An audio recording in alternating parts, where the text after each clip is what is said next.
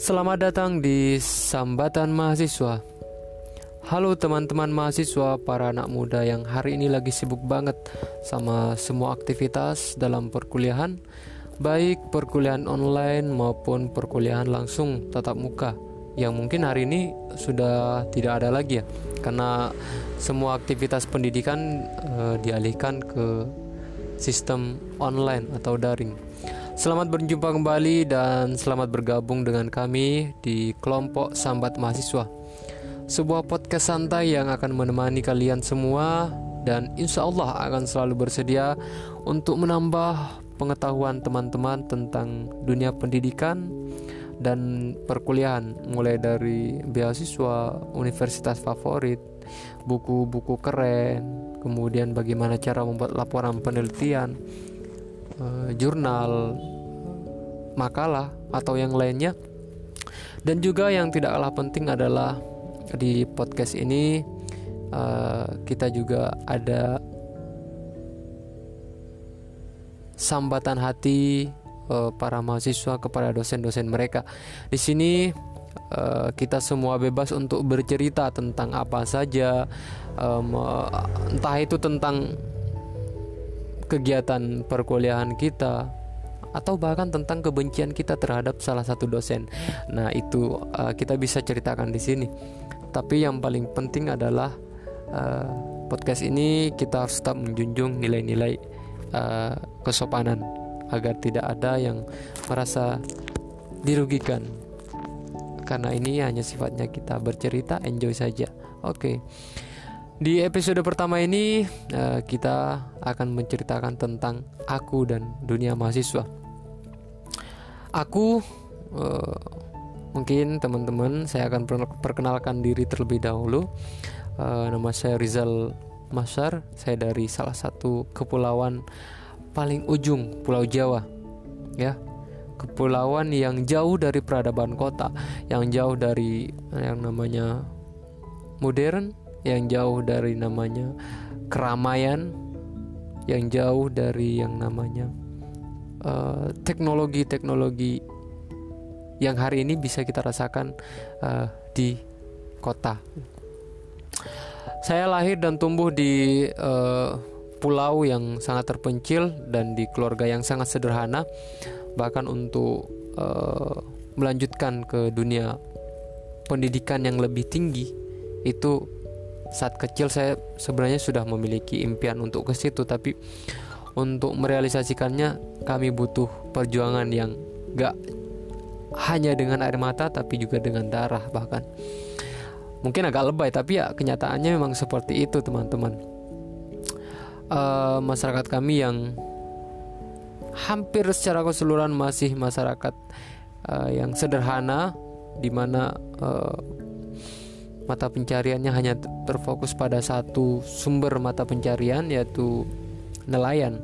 Jadi kita di sana hanya mengandalkan laut sebagai uh, sumber penghasilan. Nah, masa kecil saya saya habiskan dengan ya sama halnya dengan anak-anak kampung pada umumnya yang harinya lebih banyak dihabiskan di dalam laut ya kalau anak pantai kan berbeda dengan anak-anak kota atau anak-anak desa yang ada di kota yang anak-anak desa yang ada di pinggiran gunung atau di lereng-lereng gunung itu akan berbeda dengan anak-anak yang ada di kepulauan. Karena keseharian kita sebagai anak kecil itu ya kita habiskan di laut gitu. Pagi berenang, kemudian sampai siang, sampai sore bahkan sampai mau dipukul sama keluarga itu mau dipukul sama ibu baru kita pulang. Nah gitu. Itu kenikmatan kenikmatan yang uh, dinikmati oleh uh, anak-anak kecil di kepulauan pada saat itu. Nah kemudian dengan perkembangannya waktu ya uh, saya lulus SMA dan ingin sekali melanjutkan ke uh, dunia perkuliahan tapi ketika saya sudah SMA ya ketika saya SMA itu ha, saya melihat teman-teman saya ya saya melihat kakak-kakak saya yang sudah terlebih dahulu uh, menempuh perkuliahan di kota itu sangat keren luar biasa gitu. Ketika mereka pulang kampung uh, masyarakat memandang mereka adalah orang-orang yang berpengetahuan tinggi gitu, yang serba tahu ya. Ada salah satu teman saya itu abang saya lah bukan teman. Salah satu abang saya dia kuliah jurusan teknik gitu. Tapi ketika udah di kampung dia tanggung jawabnya bukan hanya tentang jurusan teknik saja. Enggak kalau di kampung itu. Tapi dia juga harus tahu tentang agama dia juga harus tahu tentang dan lain segala macamnya lah. Pokoknya pengetahuan tentang kemasyarakatan dia harus tahu. Iya. Karena nanti ketika hari Jumat yang disuruh khutbah pasti dia gitu nah jadi itu salah satu hal yang membuat saya sangat uh, kagum pada saat itu terhadap dunia mahasiswa. Oh luar biasa sekali ya menjadi mahasiswa ini. Dan itu mungkin tidak bisa kita, jarang kita temukan di kota gitu apa fenomena seperti itu. Nah akhirnya uh, dengan segala keterbatasan pada saat itu saya memberanikan diri untuk bilang kepada keluarga bahwa saya ingin kuliah bagaimanapun caranya saya ingin kuliah. Oke saya kuliah saya berangkat ke uh, salah satu kota pendidikan di Jawa Timur. Menempuh pendidikan di sana. Wih ya kuliah masuk pertama kuliah kemudian uh, menikmati bagaimana menjadi seorang mahasiswa itu sangat luar biasa. Ekspektasi saya sebelum masuk kuliah itu, puh, saya bisa uh, apa? Kan pada waktu SMA kan kita melihat mahasiswa itu keren gitu. Eh, mereka bisa keluar uh, tanpa menggunakan seragam, kemudian masuk kelas tanpa menggunakan seragam, ke mana-mana bawa laptop ya kan, nongkrong di warung kopi, ngerjakan tugas, kayaknya santai gitu, enak. Gitu. Tapi ketika saya sudah masuk menjadi seorang mahasiswa dan saya sudah mulai merasakan bagaimana kehidupan mahasiswa yang sebenarnya, Dan pada saat itu saya menjadi seorang anak manusia yang tinggal di kos-kosan. Wah, luar biasa. Menderita kita. Jadi apa yang dulu saya uh, itu ternyata ya memang saya hanya melihat dari luarnya saja gitu. Dari uh, mahasiswa yang sampai ke desa-desa gitu. Saya hanya melihat di situ. Gak pernah melihat dari bagaimana uh, kehidupan mereka yang sebenarnya di kota itu seperti apa gitu. gitu. Jadi kalau kita berbicara tentang susahnya aduh mungkin uh, satu hari tidak cukup untuk bercerita tentang susahnya menjadi mahasiswa tapi nanti mungkin di episode-episode selanjutnya kita akan fokus pada uh, susahnya menjadi mahasiswa atau bahkan hal-hal yang sangat uh, berkesan dalam dunia mahasiswa. Nah, ada beberapa hal yang ingin saya sampaikan ketika menjadi seorang mahasiswa. Uh, saya itu melihat gitu di semester 1, semester 2, semester 3 saya mencoba untuk melihat uh, perkembangan saya ya perkembangan saya dan juga perkembangan teman-teman saya yang ada di kelas. Bagaimana mereka dalam tiga semester ini ada perkembangan gak sih? Aku lihat seperti itu. Ternyata memang ada gitu. Ternyata dunia perkuliahan itu secara perlahan secara sadar ataupun tidak sadar itu mencoba untuk membentuk kita menjadi seorang individu yang memiliki karakter gitu melalui kebiasaan-kebiasaan yang kita lakukan pada saat menjadi mahasiswa. Sebenarnya ada uh, tiga ya, ada mungkin ada tiga uh, jenis mahasiswa uh, yang sering saya temui ketika menjadi seorang mahasiswa di kampus gitu. Nah, dan tiga mahasiswa tiga jenis mahasiswa ini juga mungkin teman-teman semua akan temui di kampus mana pun di tanah seluruh Indonesia gitu. Ya. Nah, untuk uh, ke, untuk yang pertama adalah tentang mahasiswa yang kita sebut dengan kunang-kunang.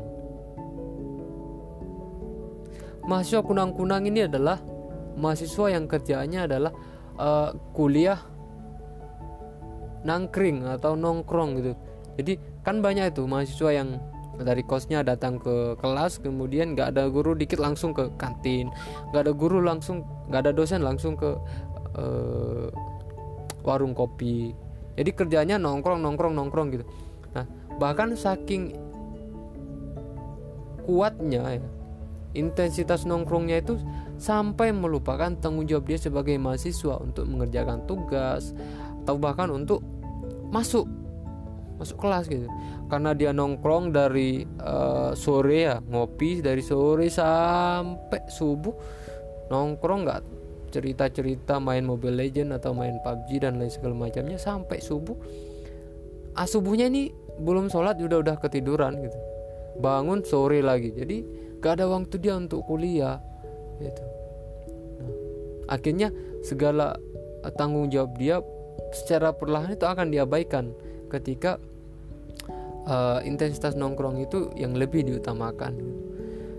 Nah gitu.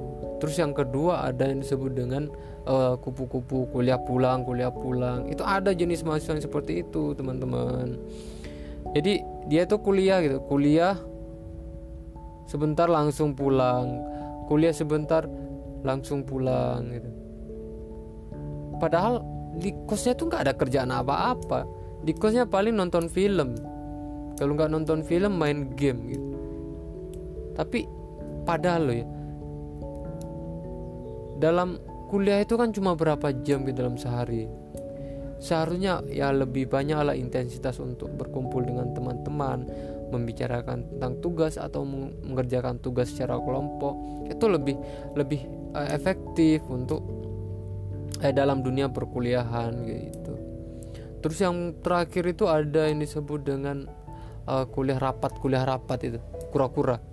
Nah jenis mahasiswa ini uh, adalah jenis mahasiswa yang ya bisa disebut dengan aktivis kampus kemudian mereka yang aktif di BEM di DPM ataupun di organisasi-organisasi kemahasiswaan lah jadi mereka tidak hanya sibuk untuk uh, mengerjakan tugas kuliah tapi juga menyibukkan diri mereka untuk berbicara tentang isu-isu terkini, kemudian tentang membuat kegiatan. Jadi secara tidak sadar, nah kuliah rapat ya mahasiswa yang masuk dalam label aktivis atau yang masuk pada label organisatoris ini akan membentuk karakter mereka menjadi orang-orang yang kompeten di bidangnya.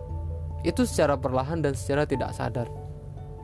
Kan tetapi e, memang harus diakui bahwa orang yang mahasiswa yang masuk pada kategori terakhir ini itu waktunya akan lebih banyak diberikan untuk uh, organisasinya atau untuk lembaganya, untuk BEM ataupun untuk komunitasnya. Itu akan lebih banyak uh, diluangkan uh, ke organisasi tersebut. Nah, makanya tidak heran ketika uh, kita banyak menemukan orang-orang yang mahasiswa yang masuk kategori aktivis ini ya sering kali orangnya jomblo nggak punya pasangan dan lain ya karena memang mereka apa ya nggak terlalu sibuk untuk memikirkan pribadi tapi mereka mengutamakan untuk membahas isu-isu penting yang sekiranya bermanfaat untuk uh, masyarakat dan lingkungan. Saya pikir uh, untuk podcast pembuka kita itu saja ya. Di uh, besok atau di episode selanjutnya kita akan uh, lebih detail lagi menjelaskan atau bercerita tentang dunia mahasiswa uh, baik itu tentang buruk-buruknya mahasiswa atau yang lebih ekstrim lagi tentang mahasiswa undercover gitu. Kan lebih keren gitu. Bagaimana kita menceritakan tentang uh, kehidupan malam dunia mahasiswa kan? Jadi di sini kita akan happy happy dan enjoy dalam bercerita karena ketika membicarakan tentang mahasiswa ya kita seperti membicarakan diri kita sendiri karena kita juga adalah bagian dari mahasiswa bagian dari penggerak perubahan jadi buat teman-teman semua yang hari ini menjadi mahasiswa ayo fokus lagi uh, jadilah mahasiswa yang teladan yang bisa benar-benar memberikan kemanfaatan untuk uh, lingkungan sekitar. Saya pikir seperti itu saja dulu. Oke, dan semangat berpuasa dan mudah-mudahan apa yang diharapkan dapat segera tercapai. Bye bye.